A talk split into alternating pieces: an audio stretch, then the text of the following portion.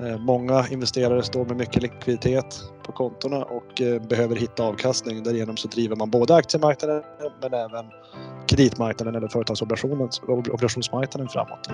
Det här är Investera och agera, en podcast från Carnegie Private Banking. Hej och välkommen! Det är torsdag den 21 januari.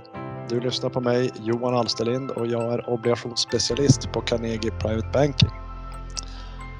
I mitten av november var jag med i podden för att ge en uppdatering kring obligationsmarknaden och då tittade vi eh, på läget där vi precis hade haft ett rally efter positiva vaccinnyheter. I dagens avsnitt ska vi titta på hur marknaden ser ut just nu och hur framtidsutsikterna ser ut för obligationsmarknaden.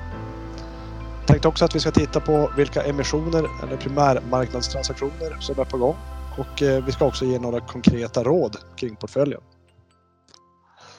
Um, idag så står vi i en aktiemarknad som, som um, är på all time high. Stockholmsbörsen når nya rekord.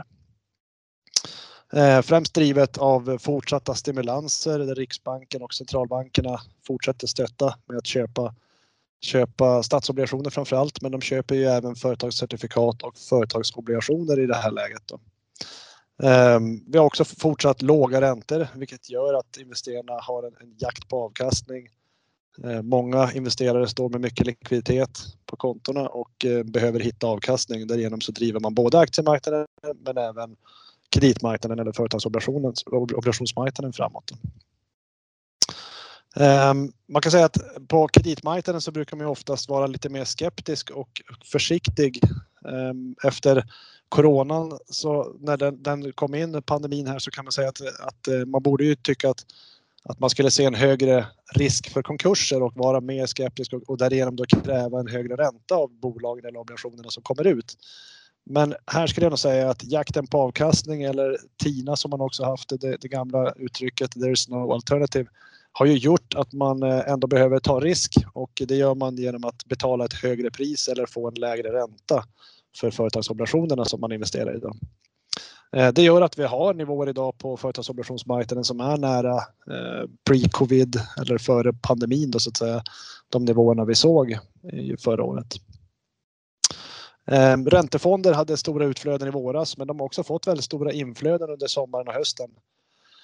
Och de flöden som kommer till räntefonderna har väldigt stor betydelse för den svenska marknaden, den svenska företagsobligationsmarknaden då, i synnerhet.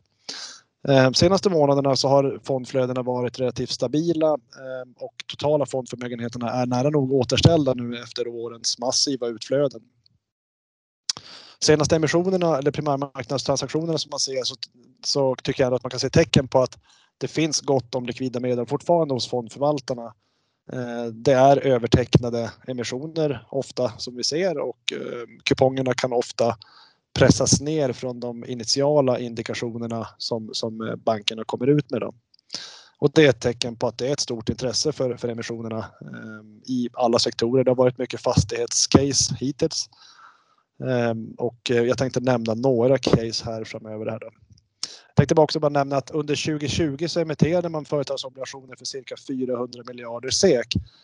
Och det är ungefär 30 miljarder lägre än 2019 men det är fortfarande, måste man säga, väldigt starkt med tanke på omständigheterna som har varit. Att man har en så pass eh, eh stor volym under 2020. Eh, vi har som sagt många eh, emissioner på gång i företagsobligationsmarknaden och eh, som exempel så har vi haft eh, Heimstaden AB med hyresbostäder vi har idag ser vi Stendörren vara ute och emitterar 3,25 års löptid som ser ut att komma ungefär runt 3,65 till 3,75 procents kupong. Det är lagerlogistik som det handlar om där. Då.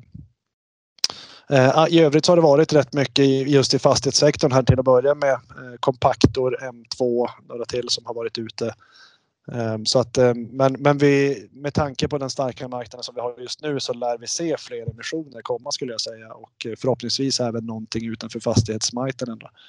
Ehm, många kunder sitter med rätt mycket inom fastighetssektorn eller finanssektorn och därför så, så letar man ju med ljus och lykta efter sånt som ligger utanför de sektorerna ofta. Då. Och där, där, det som händer där då blir ju ofta att att intresset är väldigt stort. Fondförvaltarna behöver ha eh, in den typen av, av innehav i portföljerna för att sprida riskerna eller diversifiera sig vilket gör att det blir en hög efterfrågan.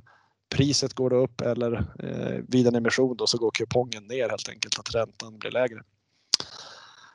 Ehm, det som vi tittar på när det kommer den här typen av emissioner så har vi ett, ett väldigt spännande jobb tycker jag, eller det som jag och mina kollegor jobbar med och det är att titta runt på de emissionerna som kommer ut i marknaden. Ehm, vi gör en bedömning av, av de case som kommer, vad har man för typ av ägarprofil? Vi pratar med bolagens ledning eller lyssnar på investerarpresentationer. Ehm, försöker prata med eh, bankernas eh, relevanta kreditanalytiker då vid varje case och bildar oss därefter en, en uppfattning om det här kan vara ett intressant case att lyfta fram för våra kunder eller inte. Då. Därefter så är det eh, viktigt att göra individuella bedömningar för att se om de här placeringarna passar in i respektive kunds portfölj. Eh, och det har vi då på ett bankingrådgivare också som, som hjälper till med det jobbet. Då. Så att, eh, ett tips vid det här läget då är ju, tycker jag, när det är en stark marknad och det kommer många olika case från olika håll.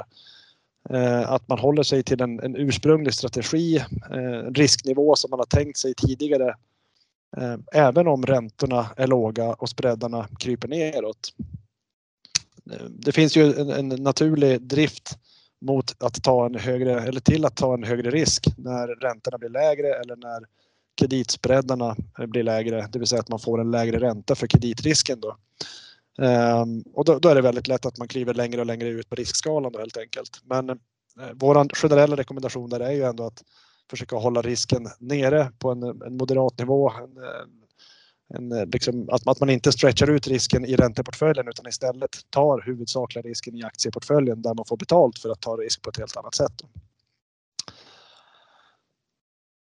Jag tänkte sedan gå vidare till framtidsutsikterna för företagsobligationsmarknaden och där, där ser man fortsatt att, att eh, det är klart att det finns hot men, men fortsatta stimulanser, centralbankerna är ju väldigt Eh, på för att, att, stimulera så fort det blir minsta skakning i marknaden.